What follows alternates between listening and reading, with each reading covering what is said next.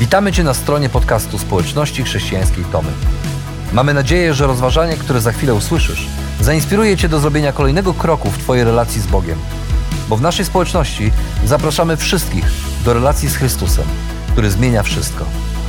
Dziękujemy za Twoje zainteresowanie i zapraszamy Cię do polubienia naszego profilu na Facebooku, Instagramie i YouTubie oraz ściągnięcia darmowej aplikacji na smartfona. Dobrego słuchania.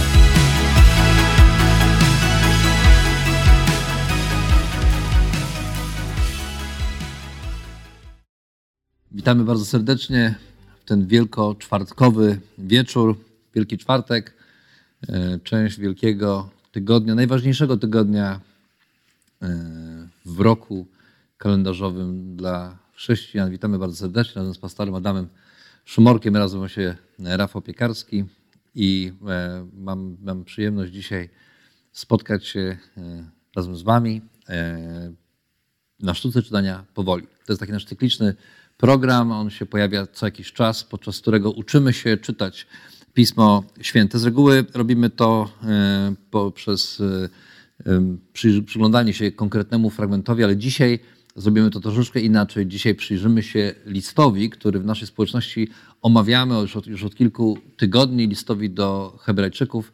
I e, dlaczego to o tym powiem za chwileczkę. Dzisiaj Wielki Czwartek. Ten Wielki Czwartek to szczególny dzień dla nas, chrześcijan, przede wszystkim dlatego, że e, to ten dzień, kiedy mm, Jezus ustanowił wieczerzę pańską, podczas tak zwanej ostatniej wieczerzy, którą spożył razem ze swoimi e, uczniami. Mm, no ale nie był to przypadkowy dzień, jak i w ogóle sam moment, e, kiedy Jezus został ukrzyżowany, nie był przypadkowym dniem. To wszystko działo się w trakcie święta Paschy, które dla Żydów było niezwykle ważnym, jest ciągle dzisiaj, jest jednym z najważniejszych świąt w żydowskim e, kalendarzu. Mm, ale jakbyśmy mogli na chwilę porozmawiać o tym, czym jest, czym była, czym jest Pascha mhm. dla Żydów i dlaczego akurat to święto Jezus wybrał jako moment yy, najpierw ustanowienia pamiątki Wieczerzy Pańskiej, a później moment swojego ukrzyżowania. Pascha, tak jak zauważyłeś, była wyjątkowym świętem, bardzo szczególnym dla Żydów, e, ponieważ przypominała im o e, jednym z najważniejszych wydarzeń w ich historii, mianowicie o wyjściu z niewoli egipskiej, kiedy to e, najpierw byli niewolnikami faraona. Bóg obiecał, że ich wyprowadzi na wolność, a zrobi to w szczególny sposób, ponieważ kiedy nadszedł dzień właśnie Paschy, ta pierwsza Pascha, mm, kazał im zabić baranki paschalne, pomalować odrzwia krwią tych baranków, i te wszystkie domy, które były mm, oznaczone krwią baranków, e, tam pierworodni nie umarli. Kiedy przed anioł śmierci przez Egipt zabijał pierworodnych i tych pierworodnych, którzy byli w tych żydowskich domach, ocalił. To był taki wstrząs dla Egipcjan, kiedy stracili swoich pierworodnych, że faraon nie tylko zgodził się wyprowadzić, wypuścić Izraelitów na wolność, ale wręcz, wręcz wygonił ich ze swojego kraju. I w ten sposób Izraelici wyszli stali się wolnym narodem, wolnym ludem, ale też to święto Paschy tak naprawdę e, wskazywało na jeszcze większe uwolnienie, ponieważ Eksodus był największym uwolnieniem w historii Izraela, a ono wskazywało na jeszcze większe uwolnienie, które Bóg przygotowuje, mianowicie wyzwolenie nas wszystkich z niewoli grzechu. Jezus Chrystus, który przyszedł na świat, który, o którym mówiono, że jest barankiem, baranek Boży, który gładzi grzechy świata. Mhm. I on właśnie przyszedł jako ten baranek, który oddał swoje życie, a oddał je e, właśnie przy okazji święta Paschy. Więc on jakby wypełnił, dopełnił tą symbolikę Starego Testamentu, pokazując, że jest doskonałą ofiarą e, za grzechy ludzi i przed, aby dokonać tego największego, najwspanialszego eksodusu. Mhm. Tak pytam o, to, o, te, o tę Paschę, dlatego że no raz oczywiście, że dzisiaj Wielki Czwartek, więc yy, siłą rzeczy wspominamy to, co się wydarzyło podczas tego tygodnia paschalnego mhm. za życia Jezusa, ale też e, powodem, dla którego pytam o Wielki Czwarty, o, o, o, o Paschę, jest to, że właśnie patrząc na dzisiejszy list, ten list, mhm. chcielibyśmy na niego spojrzeć z perspektywy e, albo inaczej, ten list pozwala nam spojrzeć na to wszystko, co się wydarzyło, jeżeli chodzi o Jezusa, właśnie z perspektywy starotestamentowej. To taki można powiedzieć, chyba najbardziej starotestamentowy list, najbardziej żydowski ze wszystkich listów Nowego Testamentu, a z drugiej strony taki najbardziej chrystocentryczny list. To prawda. I ten list jest taki, ponieważ e, jest adresowany właśnie do, do Żydów, do chrześcijan żydowskiego pochodzenia. Stąd ten język, My dzisiaj powiedzieliśmy mesjańskich Żydów, tak? Często tak się określa. można tak powiedzieć, którzy są Żydami, ale uwierzyli, że Jezus jest tym obiecanym Mesjaszem, obiecanym Zbawicielem. I e, stąd też ten charakter tego listu, ponieważ autor tego listu, którego nie znamy, nie wiemy kim jest, wiemy, że był związany z gronem apostołów, ale, ale nie znamy go z imienia, e, posługuje się obrazami i pojęciami, które dla, dla jego adresatów były jasne i zrozumiałe, bo właśnie pochodziły ze Starego Testamentu. Dlatego współczesny czytelnik tego listu może czuć się nieco zagubiony, bo tam jest całe mnóstwo odniesień do właśnie Starego Testamentu, do ofiar, do świątyni, pojawiają się kapłani, arcykapłani, jakieś dziwne postacie, jak Melchizedek. I ktoś powie, o co tym wszystkim chodzi? Natomiast dla tych, do których ten list był pisany, to było bardzo jasne i oczywiste. A jednocześnie też ten list pokazuje, że tak naprawdę żeby zrozumieć Nowy Testament i ofiarę Chrystusa, potrzebujemy Starego Testamentu. Bo wyobraźmy sobie na chwilę, co by było, gdyby nie było Starego Testamentu. Nie mamy Starego Testamentu, nie wiemy, nie znamy idei grzechu, nie wiemy, co to jest grzech. Nie wiemy, że konsekwencją za grzech jest śmierć. Nie wiemy, że ratunkiem z grzechu, czy po to, aby grzech był przebaczony, potrzebna jest ofiara. I nagle przychodzi Jezus i mówi: Jestem barankiem Bożym, który gładzi grzechy świata. I ktoś powie: Ale jaki grzech? Jaki baranek?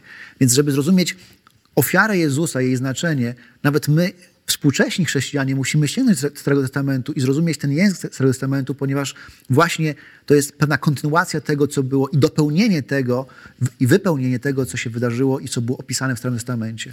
Ponieważ ten nasz, to nasze spotkanie ma taki charakter trochę bonusowy, jeżeli chodzi o, o e, list do e, Hebrajczyków. Powiemy dzisiaj o, albo inaczej, przyjrzymy się y, tym kilku ważnym postaciom albo obrazom, które autor listu Hebrajczyków wspomina i zobaczymy, dlaczego Jezus Chrystus jest lepszy niż każda z tych, y, każda z tych postaci albo każda z tych, każdy z tych obrazów ale też y, mm, myślę, że mówiąc o tym, że to będzie pewien, jest to pewien bonus, myślę, że możemy śmiało powiedzieć, y, że y, zdradzić pewne kulisy, to znaczy faktycznie, mówiąc o tym liście, my kilka razy przymierzaliśmy się do tego listu i tak mówiliśmy sobie, a to może jeszcze nie teraz, a nie wiadomo, czy to no, taki trudny list, co z nim zrobić, aż w końcu y, tak to się gdzieś dobrze ułożyło i Pan Bóg też nas przygotował na to, żeby tak dobrze gdzieś przejść z tym listem, właśnie tak, żeby dotrzeć, żeby, żeby przez, y, razem z tym listem wejść w Wielkanoc, a później jeszcze chwilę po Wielkanocy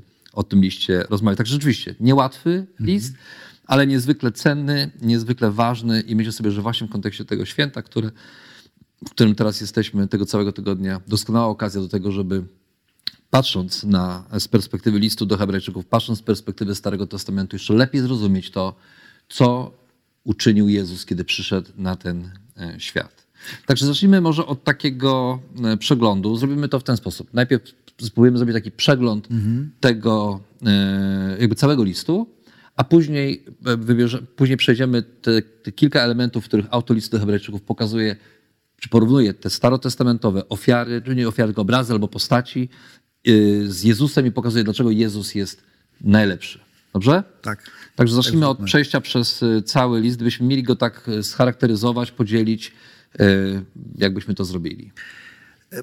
Gdybyśmy chcieli podzielić ten list, tutaj w zasadzie też e, korzystamy z tego podziału, który, który też zaczerpnęliśmy. Jest taki, na YouTubie możecie znaleźć taki projekt, nazywa się Projekt Biblia. I to jest cała seria takich bardzo krótkich e, filmików, około 8-10 minut e, w formie rysowanych komiksów. I w tych filmikach są streszczone całe księgi Biblii. W związku z tym, e, przygotowując się też do, te, do tej serii, to, była jedna, to było jedno ze źródeł, jedna z inspiracji, z której korzystaliśmy. I To trzeba jest- powiedzieć, bardzo dobrze zrobione. bardzo dobrze, bardzo solidnie, e, wizualnie i bardzo też e, m, dzięki temu można odkryć taki mieć zarys całości tego, tego tekstu, całej księgi. W związku z tym jest to bardzo dobre wprowadzenie.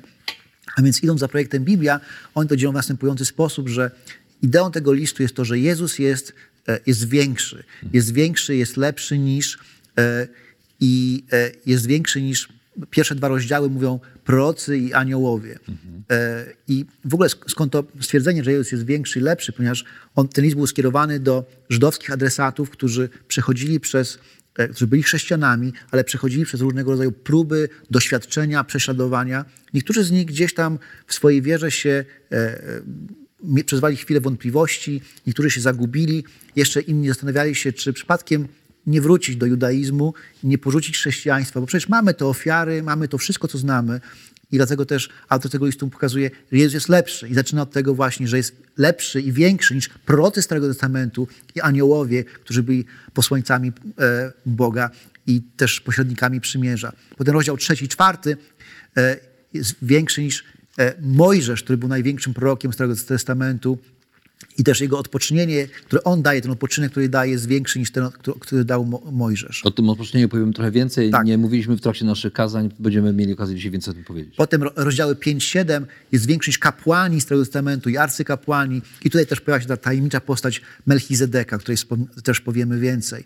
A potem rozdziały 8-10 jest większy niż ofiary Starego Testamentu i to całe przymierze starotestamentowe, które, które my znamy. Jezus ustanowił nowe przymierze, które jest właśnie większe. Następnie, rozdziały 11-13 to jest jakby zamknięcie całego tego listu, gdzie znajdujemy przykłady wiary ludzi Starego Testamentu, którzy oczekiwali niejako na przyjście Chrystusa, na te obietnice, na ich wypełnienie. E, I to jest zachęta, że tak jak oni oczekiwali, byli wierni, tak samo słuchacze i czytelnicy tego listu e, powinni być wierni w podążaniu za Jezusem. I ten list, tak naprawdę, e, trudność tego listu polega na tym, że jest w tym no wiele e, dla dzisiejszego czytelnika powiedzielibyśmy, no trochę niezrozumiałych obrazów, tak? Dlatego, dlatego e, no, to, co wspomniałeś a propos Nowego, Starego Testamentu, nie możemy pewnych rzeczy zrozumieć, jeżeli chodzi o Ewangelię, jeżeli nie znamy e, Starego Testamentu. A druga rzecz, to też jest to bardzo teologiczny list. Znaczy, to jest to jest posługiwanie się pewnymi obrazami Starego Testamentu, w których autor wyciąga głęboką teologię. Można byłoby powiedzieć, no, no tak, to taki teologiczny list, ale okazuje się, że jest on pełen bardzo praktycznych odniesień w charakterze napomnień. Cały list jest przetykany, właściwie każda sekcja jakby kończy się takim krótkim napomnieniem, tak, przełożeniem na język e, praktyki. To prawda, ponieważ jeżeli pamiętamy, do kogo ten list był kierowany, że to właśnie byli e, chrześcijanie żydowskiego pochodzenia, którzy znaleźli się gdzieś na rozdrożu i zastanawiali się, co dalej, czy, czy być wierni, czy nie być. Niektórzy odpadali od wiary, niektórzy e, w wyniku prześladowań e, odchodzili od, od, od Chrystusa, jeszcze inni po prostu dawali sobie spokój z chrześcijaństwem. W związku z tym, z jednej strony autor pokazuje, tak, on jest większy, ale z drugiej strony mówi, że jest większy, dlatego nie warto od niego odchodzić, nie warto rezygnować. Jeżeli naprawdę jest większy, to e, trzeba się go trzymać e, i zobaczymy też sens za chwilę tych napomnień, które właśnie były zachętą do tego, aby być wiernym pomimo wszystko. I to jest ciekawe, mówiąc y, o tych napomnieniach w kategorii teologii, że nam się czasami wydaje, że mówiąc o praktyce chrześcijańskiego życia, to po prostu trzeba czasem, że, że, że mm, ludzie czasem się pytają, no to co mam zrobić? Nie? No to mam zrobić to, to czy tamto i, i często skupiamy się w tych naszych rozważaniach na takiej pragmatyce. Zrób to, zrób tamto, to powinieneś, tego nie powinieneś. Mm, y, I rzadko sięgamy do głębszego argumentu, tego czegoś, co y, Simon Sinek nazywa big why, nie? czyli tego wielkiego dlaczego. I myślę sobie, że ten list świetnie pokazuje, że za każdym napomnieniem albo zachętą stoi głębokie dlaczego. Nie? To na przykład jest, jest y, y, słynny werset, fragment, który mówi o tym, nie opuszczajcie wspólnych zgromadzeń. No i możemy, my o tym rozmawiamy, no, o tym na zasadzie, no tak, no nie powinniśmy opuszczać nabożeństw, tak? czy nie powinniśmy spotkań kościoła, no bo tak nie powinniśmy robić. Ale jak przyjrzymy się temu fragmentowi, to zobaczymy, że okej, nie powinniśmy opuszczać wspólnych zgromadzeń, ponieważ jest to element, jest to, jest to, wynika to z tego, że my jesteśmy częścią Nowego Przymierza, a częścią Nowego Przymierza, o którym powiemy trochę później, jest właśnie pragnienie bycia razem. Ono ma bardzo wspólnotowy charakter i dlatego nie, nie powinniśmy opuszczać wspólnych zgromadzeń, bo to tak jakbyśmy trochę rezygnowali z dobrodziejstwa Nowego Przymierza, które,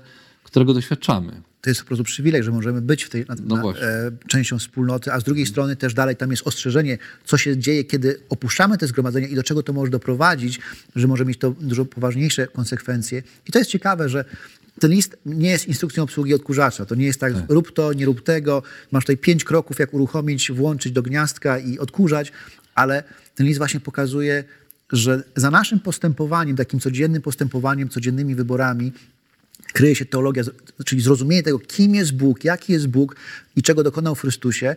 E, I, i dzięki temu, że my to rozumiemy, chcemy żyć inaczej. To powinno mieć przełożenie na, na nasz język życia codziennego. Dlatego czasami jak ktoś mówi, a więc tu nie rozmawiajmy o takiej wielkiej, to tu nie chodzi o teologię, tu chodzi o pragmatykę. No pewnie, że tak. No czasami rozmawiamy o bardzo prozaicznych, pragmatycznych Mhm. rzeczach, ale kiedy przyjrzymy się trochę pewnym zachowaniom z dystansu, okaże się, że za każdą jakąś taką pragmatyczną rzeczą, każdym pragmatycznym zachowaniem stoi pewien, pewien nasz sposób myślenia o Bogu i nasz sposób myślenia o sobie samych. To jest nieuchronne. W każdej rozmowie duszpasterskiej prędzej czy później dochodzimy do tego miejsca, w jaki sposób ty patrzysz na Boga, w jaki sposób myślisz o, o sobie. I w tym sensie e, myślę sobie, ten list, list do Hebrajczyków jest doskonałym e, ćwiczeniem dla nas, żeby właśnie uczyć się w taki sposób o, o Bogu i o sobie e, rozmawiać. No dobrze. To skoro tak, spróbujmy e, przejść przez tych e, kilka obrazów i postaci. Przy niektórych zatrzymamy się e, krócej, ponieważ mówiliśmy o nich na naszych kazaniach, przy niektórych dłużej, ponieważ o nich akurat mniej powiedzieliśmy. Także zacznijmy od tego, tej pierwszej grupy, czy pierwszego obrazu em, Proroków i aniołów. proroków i aniołów. Tak, w ten sposób właśnie ten list zaczyna się, że Bóg na wiele sposobów przemawiał do, przez, do ludzi przez swoich proroków, ale u kresu czasu przemówił w dniach ostatnich przez swojego Syna. I to jest e, niezwykłe, ponieważ e, dla Żydów prorocy to właśnie byli ci ludzie, którzy byli głosem samego Boga, e, a okazuje się, że Bóg przemówił przez swojego Syna. I dalej następuje ten cały fragment, który mówi o tym, że ten Syn jest kimś wyjątkowym, bo jest samym Bogiem i jest człowiekiem. To nie jest jakiś posłany człowiek kolejny, ale sam Bóg stał się jednym z nas, aby do nas przemówić. I to było niezwykłe, a więc jest większy niż prorocy, a dalej ten tekst mówi, że jest większy niż aniołowie, ponieważ e, list do Hebrajczyków nam mówi o tym, że to właśnie aniołowie byli pośrednikami przymierza, czyli to znaczy, że e, Bóg dał Mojżeszowi e, prawo, te kamienne tablice za pośrednictwem aniołów. I to oni właśnie e, byli tymi posłańcami z samego nieba. I też w Starym Testamencie, kiedykolwiek aniołowie się pojawiają, to, to są to posłańcy, którzy przynoszą e, przesłanie od Boga, powiedziałbym, prosto z nieba. Więc dla Żydów to byli wyjątkowi posłańcy. A ten tekst mówi, nie, nie, oni mogą być wyjątkowi, ale, ale Jezus jest większy od aniołów, jest wspanialszy, jest od nich ważniejszy, czyli to jest to pierwsze porównanie. I ono też kończy się słowem e, takiego ostrzeżenia i zachęty, bo mówi ten tekst, że jeśli to słowo, które było głoszone przez proroków i aniołów było tak ważne, e, a ich, jego zlekceważenie miało poważne konsekwencje, to o ile bardziej nie powinniśmy lekceważyć tego słowa, które Bóg posłał na świat, posłając swojego Syna. I żebyśmy przypadkiem gdzieś nie odpłynęli, nie, e, nie zeszli na bezdroża. I to jest pierwsze porównanie, e, które było bardzo czytelne dla żydowskiego czytelnika. O tym dużo mówiliśmy. Ono też dzisiaj, jak, jak my słuchamy tych słów i tych porównań, to ono rzeczywiście wydaje się.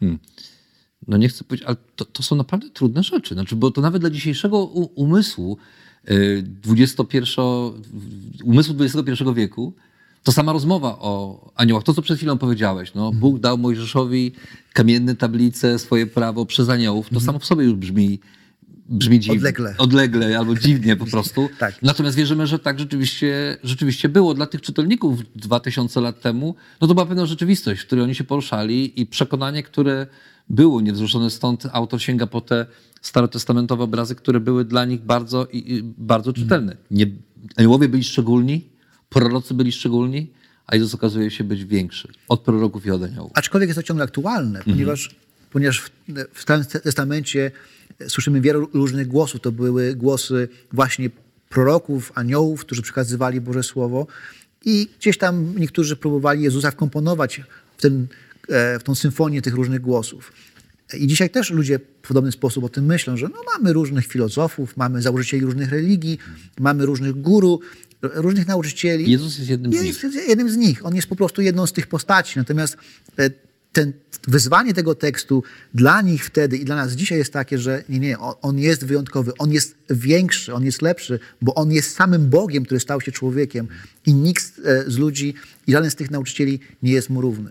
No dobrze, to przejdźmy do drugiej postaci, do Mojżesza. E, Tutaj mamy do czynienia z największym prorokiem Starego Testamentu, największym sługą jednocześnie i największym prorokiem. Nie było człowieka bardziej pokornego niż Mojżesz, czytamy w piątej księdze Mojżeszowej.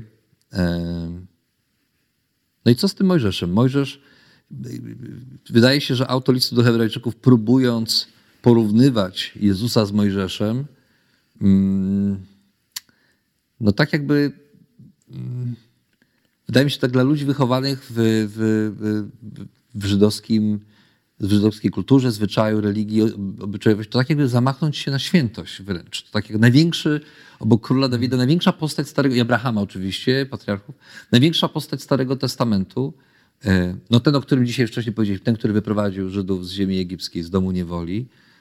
A autor listy Hebrajczyków mówi, no on przecież uznany za godnego o tyle większej chwały od Mojżesza, pisze w trzecim rozdziale, o ile większym uznaniem cieszy się budowniczy niż dom przez niego zbudowany. To prawda. I to też pokazuje, że z jednej strony Mojżesz, który był właśnie prawodawcą, był kimś wyjątkowym, natomiast Chrystus, który przynosi nowe prawo, jest nowym prawodawcą, jest bardziej wyjątkowy. I tutaj mamy takie właśnie e, dwa elementy tego porównania. Z jednej strony mówi się o tym, że e, Mojżesz był budowniczym domu, e, ponieważ to Mojżesz był tym, przez którego Bóg dał Izraelitom przybytek. To Mojżesz zbudował przybytek. E, natomiast e, Chrystus jest nie tyle. I jest napisane że Mojżesz był wierny w całym Bożym domu, a o Chrystusie jest powiedziane, że On jest ponad Bożym domem, mhm. że On jest ponad tym wszystkim. Mojżesz zbudował przybytek, a o Chrystusie jest powiedziane, że właśnie jako Bóg On jest twórcą wszystkiego, że On stworzył cały świat. I to jest oczywiste porównanie. Mówią, o, Mojżesz do nam przybytek. Fantastycznie, mamy przybytek, który był znakiem obecności Boga pośród nas. To był taki namacalny dowód tego i znak, że Bóg zamieszkał pośród... Przybytek, czyli... Świątynia. Świątynia. Taka, taka przenośna świątynia, przenośna namiot świątynia. zgromadzenia. Mhm. E, natomiast mhm. ten tekst mówi, to, to, fajnie, że on to dał, ale Chrystus jest ponad tym, bo on stworzył wszystko, on stworzył cały świat. Mhm. I później mówimy, y, później mówimy o... Yy Właśnie ten tekst dotyka kwestii e, szabatu, odpocznienia, które, e, jak wiemy, no, nie tylko jest częścią e, dekalogu, tak, to jest ten słynny dzień święty, który należy święcić, i ortodoksyjni Żydzi do dziś dzień, zresztą nie tylko ortodoksyjni Żydzi, no, cały, cały kraj, czy wierzący, czy niewierzący ludzie, oni piątek po południe, sklepy się zamykają, cała ta obyczajowość, kultura zbudowana jest ciągle wokół tego przekonania, że to jest ten święty dzień, piątek, popołudnie już wszystko się zamiera, zamyka i proszę do soboty wieczór wszystko się zatrzymuje. Wszystko się zatrzymuje. Więc mamy szabat e, i e, czwarty rozdział listu do Hebrajczyków e, mówi o tym odpoczynku, ale mówi o nim w sposób e, szczególny, wyjątkowy. To prawda, ponieważ tutaj widzimy, jak e, autor listu do Hebrajczyków posługuje się pojęciem i obrazem odpoczynku, szabatu, który dla Żydów był znany i, i bardzo ważny, aby pokazać znowu e, wyższość Chrystusa. I z jednej strony pokazuje, że e, Bóg przez właśnie Mojżesza dał e, Izraelitom szabat, ten siódmy dzień, kiedy mogli odpocząć. I, I, tego dnia właśnie odpoczywali, mogli Boga też uwielbiać, ale z drugiej strony oni wszyscy zmierzali do większego odpoczynku, czyli do ziemi obiecanej, bo oni byli ciągle w podróży, byli podróżni, podróżnikami, wędrowcami. A kiedy tam dotrą, tam wreszcie odpoczną. Ale kiedy czytamy Księgę Złego i inne księgi, okazuje się, że kiedy tam dotarli, to wcale nie odpoczęli za bardzo. Tam, ten odpoczynek... tam się dopiero zaczęło. Tak, tam się dopiero zaczęło. Ten odpoczynek nie był kompletny. A ten tekst pokazuje, że Chrystus jest tym, który przynosi doskonały szabat, doskonały odpoczynek, bo przynosi nam swoje zbawienie. I to zbawienie, my już teraz doświadczamy e, tego odpoczynku, tego zbawienia, kiedy nas uwalnia od naszych grzechów, kiedy doświadczamy pokoju z Bogiem. Już teraz mamy, doświadczamy przesmaku tego zbawienia, ale też Podobnie jak Izraelici, jesteśmy w pewnej wędrówce, w podróży do wieczności. I w tej wieczności, kiedy znajdziemy się z Bogiem, tam doświadczymy pełni tego odpoczynku, który, który daje nam Chrystus, czyli, czyli pełni zbawienia. I znowu, kiedy patrzymy ten obraz, to Izraelici w tej ziemi obiecanej nie do końca odpoczęli. To nie było idealne odpocznienie, idealny odpoczynek. To, co daje Chrystus, to jest doskonały odpoczynek, którego przedsmak mamy już teraz. Mhm. I to chyba też jest dobry moment do tego, żeby powiedzieć, a propos szabatu, bo też co jakiś czas słyszy się e, w różnych kręgach, ludzie mówią, że na to teraz powinniśmy, no tak jak kiedyś, e, czcić szabat, nie wiem, piątek, sobota, tak, sobota jest tym dniem e, szabatnim, tak my też powinniśmy. Okazuje się, że z perspektywy listu do Hebrajczyków, chociażby listu do Hebrajczyków, cała ta dyskusja o tym, kiedy ten dzień ma być, ona przestaje mieć znaczenie, ponieważ szabat jako taki, ciągle święty dla Żydów, ale dla chrześcijan, on pozostaje zaledwie tym, co później autor tego samego listu pod koniec nazywa cieniem rzeczy przyszłych, zapowiedzią czegoś większego niż tylko tego, na co miał wskazywać na początku. No nie, nie to, że to lekceważyć, nie to, że powiedzieć teraz, to nie musimy mieć takiego, czy taki dzień nie, nie jest potrzebny i tak dalej, tak dalej, ale, ale jakby jego znaczenie się zmienia. To prawda. To jest tak jakby e, te rzeczy w Starym Testamencie są drogowskazami, mhm. które wskazują na Chrystusa, który jest wypełnieniem tych wszystkich obietnic, obrazów, ich dopełnieniem. I, e, i to jest trochę tak, jakby ktoś był w podróży i zatrzymał się przy drogowskazie, który wskazuje drogę do Warszawy. Zamiast jechać do Warszawy, zaczął ten drogowskaz wielbić i tam sobie urządził imprezę koło drogowskazu. Drogowskaz jest potrzebny, ale on nie jest celem, on pokazuje na coś więcej. Tak samo szabat i ten odpoczynek starotestamentowy wskazywał na zbawienie, które daje Chrystus, pokazuje na coś więcej. No dobrze, mamy szabat, mamy, czyli mamy aniołów i proroków. Taki duży, duży obraz. Mamy szabat, konkretna część, Mojżesz i e, e, prawo i część tego prawa, czyli, czyli szabat, którą, na którą powołuje się autor listu Hebrajczyków. I to wreszcie mamy trzecia osoba, to to kapłan, czy arcykapłan mhm. wręcz. Ważna postać dla e, całej obrzędowości judaistycznej, aż e, po dziś dzień, tak? W sensie postać, która jest niezwykle ważna, jeżeli chodzi o, o taki punkt odniesienia, to kim on był w czasach Starego Testamentu, ale też w czasach e, Jezusa. Parę słów o, o arcykapłanie, jaka była jego rola? Arcykapłan był związany, związany ze świątynią właśnie świątynia to jest ta, ten znak Bożej obecności, mm. tego, że Bóg zamieszkał pośród swojego ludu, ale też świątyni, e, ważnym elementem świątyni był ołtarz, gdzie składano ofiary e, i e, tam, kiedy ludzie grzeszyli, mogli przynieść swoje ofiary i doświadczali przebaczenia, ale też świątynia, i o tym będziemy też pewnie wspomniemy za chwilę jeszcze, mm, ona składała się z kilku części. Było miejsce najświętsze, gdzie była skrzynia przymierza, właśnie ten, ten e, element, który był symbolem obecności Boga i miejsce e, święte, gdzie też odbywały się praktyki związane z, z chociażby z e, tam znajdował się ołtarz kadzidlany, e, znajdował się złoty świecznik, w związku z tym tam składano ofiary z kadzidła. I arcykapłan był tym, który był takim pośrednikiem między, między ludem a Bogiem, bo on jako jedyny mógł wejść do miejsca najświętszego, aby reprezentować lud przed Bogiem. I to jest w ogóle fascynujące, że e, ubiór arcykapłana, te kolory jego szat były odzwierciedleniem kolorów szat samego najpierw przybytku, kiedy to jeszcze był namiot, e, ponieważ on reprezentował Boga, ale z drugiej strony na jego naramiennikach były pisane imiona dwunastu plemion izraelskich, a na jego napierśniku miał napierśnik, który składał się z dwunastu kamieni, które reprezentowały właśnie dwanaście plemion.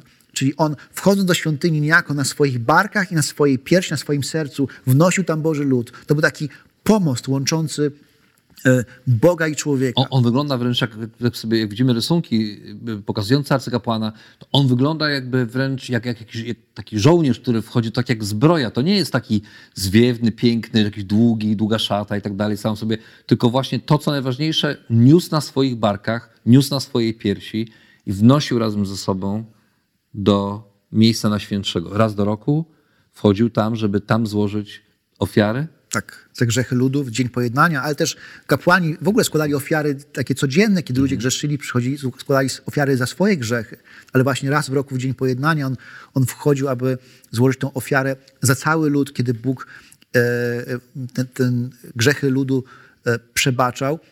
I, I kiedy patrzymy na kapłanów, to z jednej strony oni byli wyjątkowi, ale z drugiej strony no, oni byli ograniczeni, ograniczeni przez E, przez swoje pochodzenie, bo pochodzi tylko z plemienia Lewiego i z, i z rodu Arona, e, arcykapłani mogli pochodzić.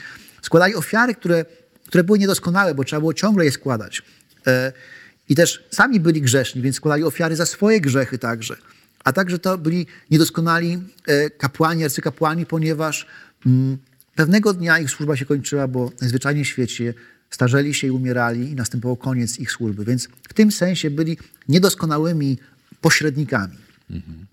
No i mówimy o, e, mówimy o Jezusie, czy właściwie autor listu Hebrajczyków zwraca uwagę, że Jezus nie tylko jest większy niż aniołowie i prorocy, nie tylko większy niż Mojżesz, ale większy niż kapłani w ogóle, a wręcz porównuje go do największego, mówi o nim jako o największym arcykapłanie. I wywodzi jego rodowód z, od Melchizedeka, od takiego tajemniczego, bardzo taj, takiej tajemniczej postaci Starego Testamentu, kapłana i jednocześnie króla, właściwie bez przeszłości, bez przyszłości, nic, mało co mało o nim wiemy. Mm, e, Dlaczego akurat tym obrazem posługuje się autor listu Hebrajczyków? E, Właśnie ten obraz ma na celu pokazanie wyjątkowości Chrystusa. E, Tak jak wspomniałem, kapłani byli z rodu Lewiego, z, mm, też ro- rodu Arona. E, I Jezus jako Mesjasz, on z kolei był z plemienia Judy, więc ktoś powiedziałby, no to jak on może być kapłanem? E, I też powiedzieliśmy o tym ograniczeniu tych kapłanów, żeby oni byli niedoskonali na, na wiele sposobów. Dlatego też autor tego listu posługuje się tą postacią Melchisedeka, e, który jest takim starotestamentowym obrazem Chrystusa. Kim był Melchizedek? E, Kiedy Abraham stoczył e, bitwę, w której pokonał pięciu królów, to na jego spotkanie wyszedł król Salemu, czyli starożytnej Jerozolimy. To może krótko przeczytamy. Dobrze? Pierwszy, pierwszy werset siódmego rozdziału. Co do tego Melchizedeka, króla Salemu, kapłana Boga Najwyższego, który wyszedł na spotkanie Abrahama powracającego po rozgromieniu królów i pobłogosławił mu, a któremu Abraham ze wszystkiego wydzielił dziesięcinę, czyli jedną dziesiątą część tego, co, co, co zdobył, to jego imię znaczy po pierwsze król sprawiedliwości, a po drugie król Salemu, czyli król pokoju. Bez ojca, bez matki, bez rodowodu, bez początku swoich dni i bez końca życia, podobny w tym do Syna Bożego, pozostaje on kapłanem nieprzerwanie.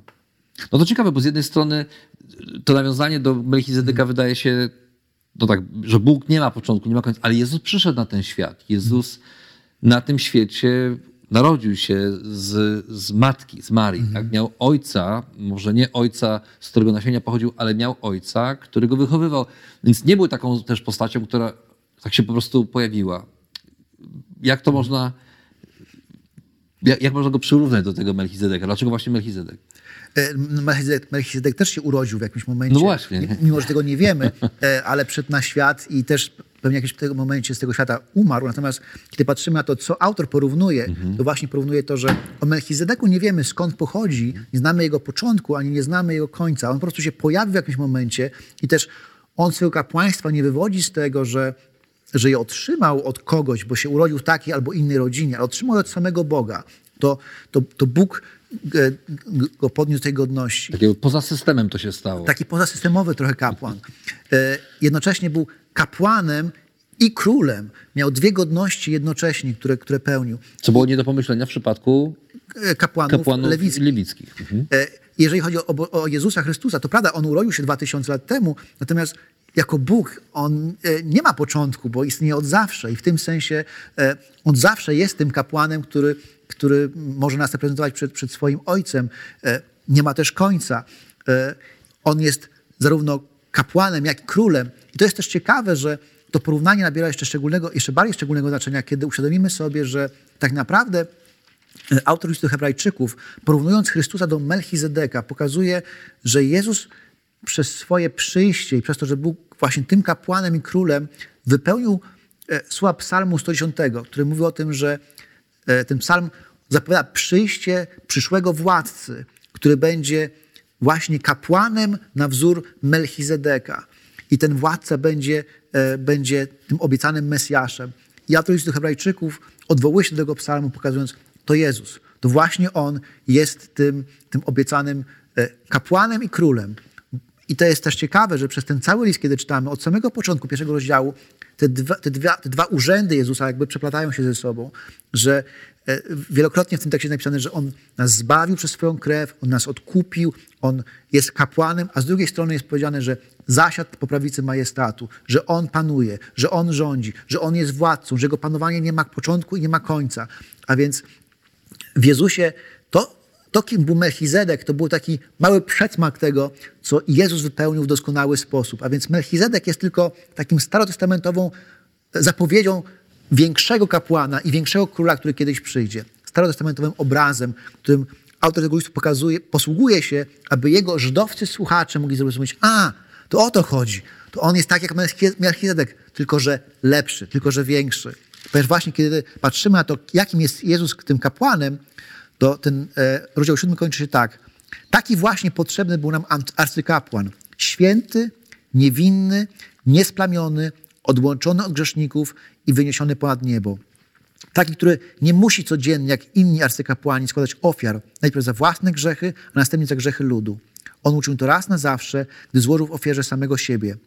Prawo ustanawia arcykapłanami ludzi podlegających słabościom, ale słowo przysięgi złożone po nadaniu prawa ustanowiło arcykapłanem Syna, który stał się doskonałym na wieki. Czyli tutaj Jezus jest doskonałym arcykapłanem, ponieważ złożył ofiarę jedną raz na zawsze, nie musi tego robić ciągle e, i nie musi składać ofiar za swoje własne grzechy, bo jest niewinny, bo jest święty, a jeszcze wcześniej ten tekst mówi, że on też nie podlega śmierci, że on nie umiera, mhm. czyli jest w tym sensie doskonałym arcykapłanem. Mhm. No to jakby można by powiedzieć, że już wystarczy, bo już tak jest dużo. jest dużo obrazów i dużo, dużo głębokiej treści, ale nie, nie, nie moglibyśmy odejść spokojnie od tego, tego listu i od, i od tego dzisiejszego spotkania, gdybyśmy nie spojrzeli na, na jeszcze jedno porównanie, które e, autor listu do Hebrajczyków mm, czyni, biorąc pod uwagę Stary Testament i osobę Jezusa, a mianowicie kwestię nowego przymierza, nowego porządku, który mhm. ustanawia. I to jest mocno związane już z samą ofiarą i ze świątynią, i z ofiarą, którą składa Jezus e, Chrystus jako e, doskonała ofiara, nie jako zwierzę, nie jako ofiara, którą trzeba składać wiele razy, ale jako doskonała ofiara. Na czym, mówiąc tak pokrótce, na czym polega wyższość tego, tego nowego przymierza nad starym przymierzem? Dlaczego akurat ideą przymierza posługuje się autor listu do Hebrajczyków? Ponieważ przymierze to jest najświętszy związek, który jest w testamencie, związek, który jest nierozerwalny. My nie mamy w naszej kulturze e, czegoś takiego, co byłoby odpowiednikiem przymierza. Tak, może małżeństwo. To nie jest umowa. To nie, to nie jest umowa, umowa, to nie jest kontrakt, to nie jest porozumienie. E, w pewnym sensie może małżeństwo, ale przymierze w tym testamencie było takim świętym związkiem zawartym suwerennie przez dwie strony, e, właściwie suwerennie zainicjowanym przez jedną ze stron, w tym wypadku Boga, i to, co jest ważne w Starym Testamencie, przymierze często było przypieczętowane krwią, mhm. że kiedy składano, zawierano przymierze, składano ofiary, aby pokazać, że e, przymierze to jest kwestia życia lub śmierci. Jeżeli ktoś złamie przymierze, to niech się stanie temu komuś, tak jak mhm. temu zwierzęciu, które, które zostało ofiarowane, bo ono było e, przypieczętowane krwią i mówiono, że krew jest gęstsza niż mleko. Mhm. To było takie powiedzenie ludzi wschodu, to znaczy, że relacja przymierza jest bliższa i ważniejsza niż relacja rodzinna.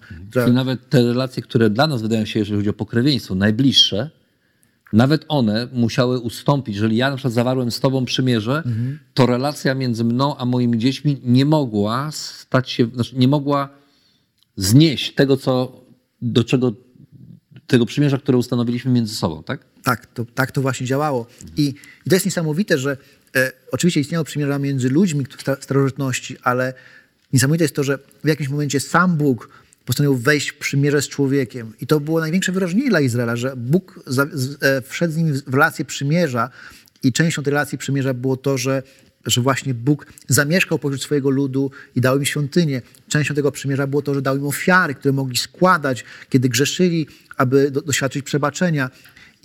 I to było niesamowite, bo to był jedyny naród na ziemi, który coś takiego posiadał. To, to był ogromny skarb. Oto przychodzi Jezus i okazuje się, że e, On przez swoje, swoją śmierć i swoje zmartwychwstanie zaprasza nas do nowego przymierza. I pokazuje, że to stare przymierze było tylko przedsmakiem, drogowskazem i zapowiedzią tego nowego przymierza, które, które On nam daje. I ten tekst posługuje się obrazami, oczywiście posługuje się obrazami świątyni, tak jak mówiliśmy, ta świątynia, która składa się z tych trzech części, jest przedsionek, miejsce święte i najświętsze i ten kapłan, który wchodzi raz do roku z krwią, aby reprezentować lud. I ten, ten tekst mówi, że Jezus e, nie wszedł z krwią cielców, baranów czy innych zwierząt, ale wszedł ze swoją własną krwią. I to nie znaczy, że Jezus wszedł do jakiejś świątyni, ale ten tekst posługuje się obrazem właśnie świątynię pokazać w sposób zrozumiały dla Żydów, czego dokonał. On przez swoją śmierć wszedł do najświętszego miejsca, aby reprezentować lud przed Bogiem. I złożył doskonałą ofiarę, która, która była e, niepowtarzalna, jedyna w swoim rodzaju. I to właśnie e, w liście do Hebrajczyków w 9 rozdziale o tej nowej ofierze jest powiedziane tak, że właśnie Chrystus, 11 werset, który pojawił się jako arcykapłan nowych przywilejów, wszedł przez większy, doskonalszy przybytek, zbudowany nie ręką ludzką, to jest należący do rzeczy stworzonych. Wszedł on do świątyni nie z krwią kozłów i cieląt, ale ze swoją własną krwią, raz na zawsze, zapewniając nam wieczne odkupienie. Bo jeśli krew kozłów i cielców oraz popiół z jałówki przez pokropienie uświęcają skalanych i przywracają czystość cielesną, o ileż bardziej krew Chrystusa, która przez wiecznego ducha, jako nieskazitelny ofiarował samego siebie Bogu, oczyści nasze sumienie od martwych uczynków, abyśmy mogli służyć żywemu Bogu. Po to też jest pośrednikiem nowego przymierza. Aby gdy została poniesiona śmierć dla odkupienia wykroczeń popełnionych za pierwszego przymierza, ci, którzy zostali zaproszeni, dostąpili spełnienia obietnicy wiecznego dziedzictwa. Samo to, co powiedziałeś o przymierzu jako takim, jest już na tyle, wydaje się być na tyle niezwykłe. Ta idea, że e, jest coś silniejszego niż nawet najbliższe więzy krwi, które możemy mieć tutaj na ziemi. E, że pomyśleć o tym, że, że Chrystus jest jeszcze większy niż to i z racji tego, że jest czysty, nieskalany, że jest tym najlepszym, tym największym arcykapłanem, jest tym, który wchodzi do tego miejsca najświętszego, jest tym, który oddaje samego siebie, ofiarowuje samego siebie i w ten sposób to jego krew jest tym, co pieczętuje nowy rodzaj relacji między Bogiem a człowiekiem.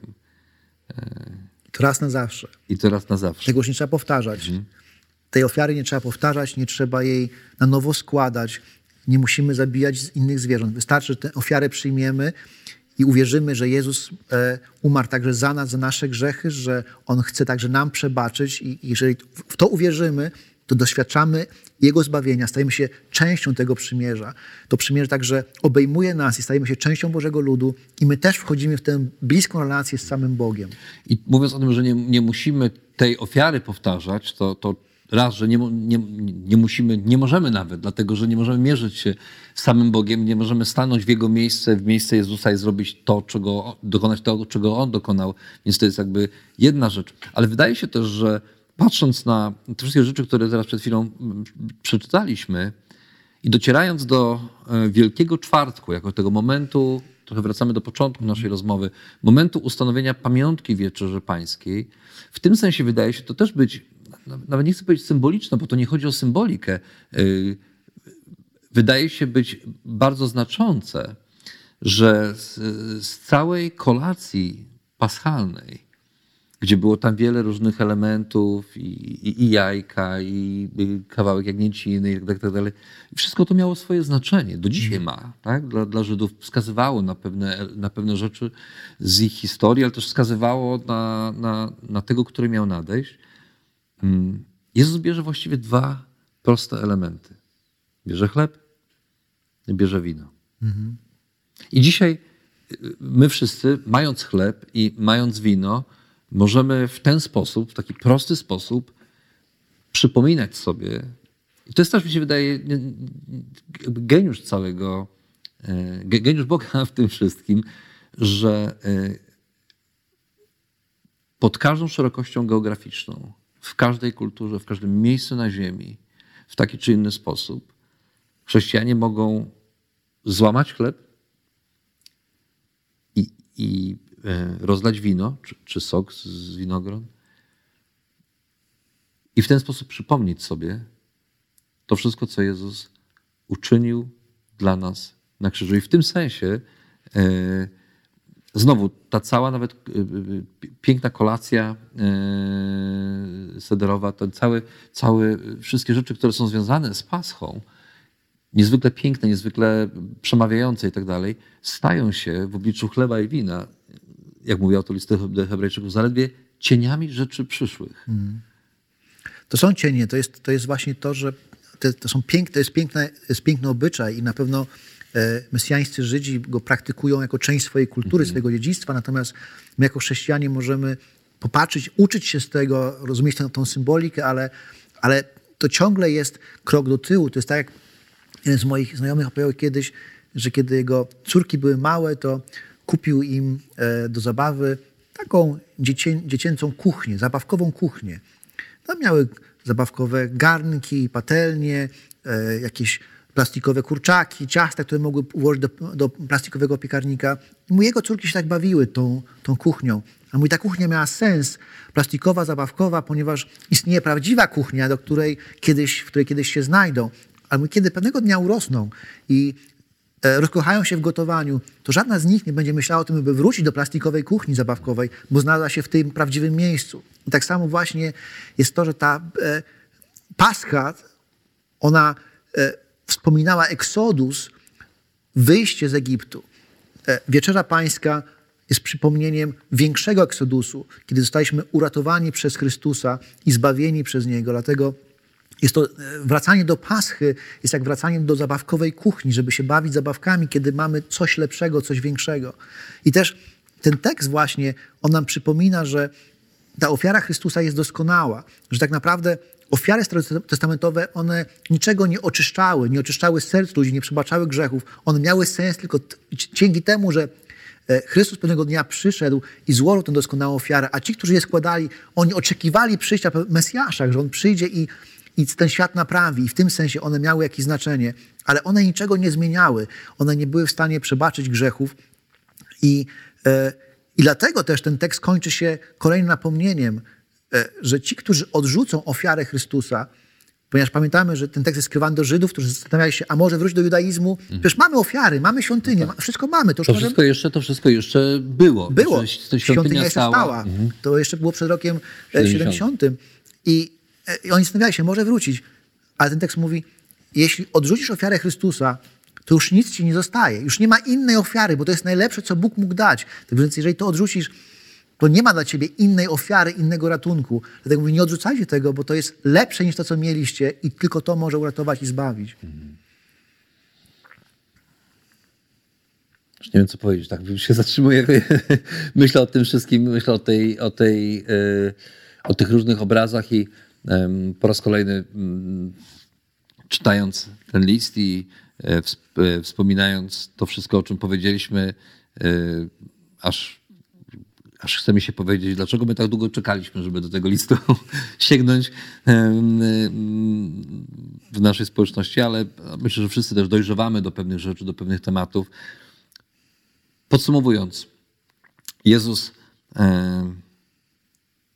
jest najlepszy, jest najlepszy, e, jest lepszy niż e, aniołowie i prorocy, jest lepszy niż Mojżesz i prawo, które zostało przez niego nadane, jest lepszy niż kapłani Starego Testamentu, jest największym arcykapłanem i jest lepszy niż jego przymierze, jest, jest lepsze niż stare przymierze, bo ono przynosi ostateczne uwolnienie nie tylko ludzi, pewne jednego narodu od swoich, od, od swoich przewinień, ale i na, na, na pewien czas, ale przynosi wieczne uwolnienie każdego człowieka od jego grzechów na zawsze.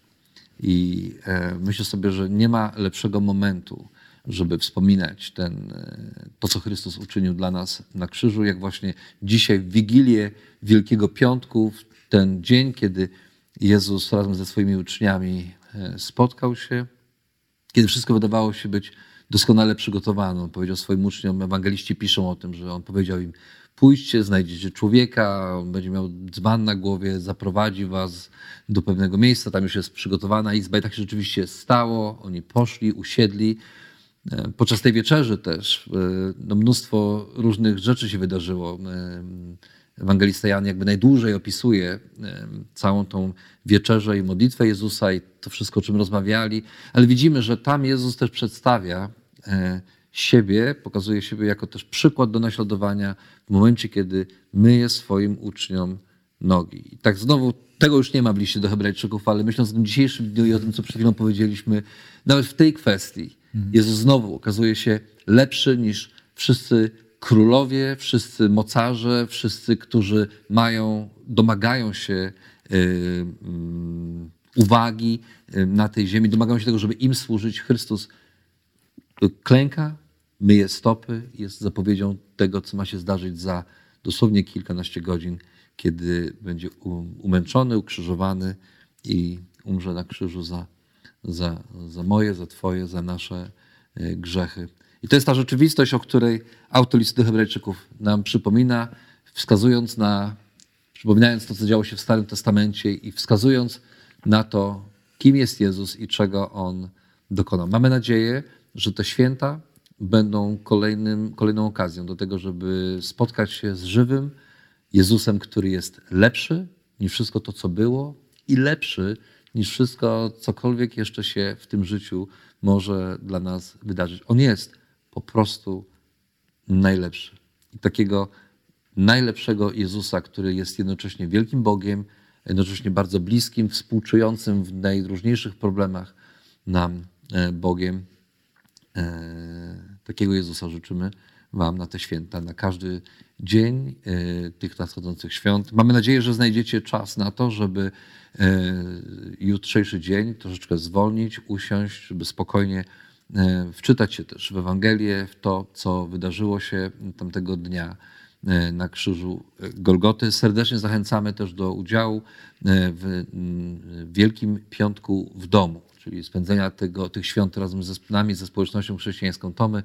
Wielki Piątek w domu, jutro o godzinie 19, transmisja online, a też e, jest to połączone z tym wszystkim, co możecie zrobić w domu, zapraszając swoją rodzinę, znajomych, przyjaciół. Jeżeli chcielibyście dowiedzieć się e, czegoś więcej o tym, jak zaplanowaliśmy ten wieczór, bardzo prosimy, żebyście mogli tutaj, czy przez Messengera, czy przez bezpośredni kontakt do mnie, żebyście mogli pisać i chętnie podzielimy się też materiałami, które mamy dla tych wszystkich, którzy chcieliby otworzyć swoje domy i w swoich domach jutro przeżywać to wspominanie śmierci naszego Pana Jezusa Chrystusa. A w niedzielę, w niedzielę zapraszamy wszystkich do zakościela bez względu na pogodę.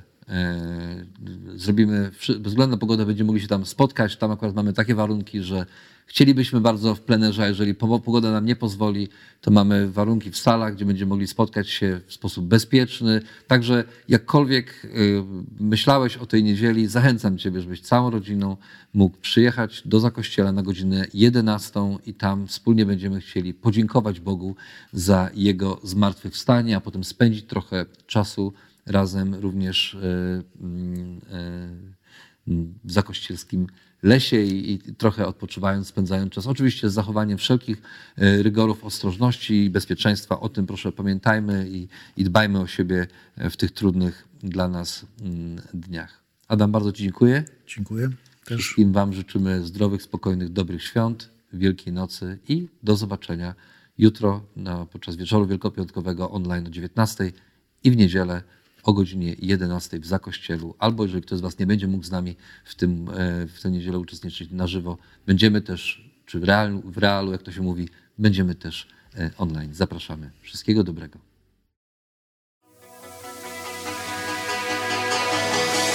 Jeszcze raz dziękujemy za wysłuchanie naszego rozważania. Jeżeli mieszkasz w okolicach Tomaszowa Mazowieckiego lub Łodzi, zapraszamy Cię do odwiedzenia nas na niedzielnym nabożeństwie. Więcej informacji znajdziesz na stronie schatomy.pl.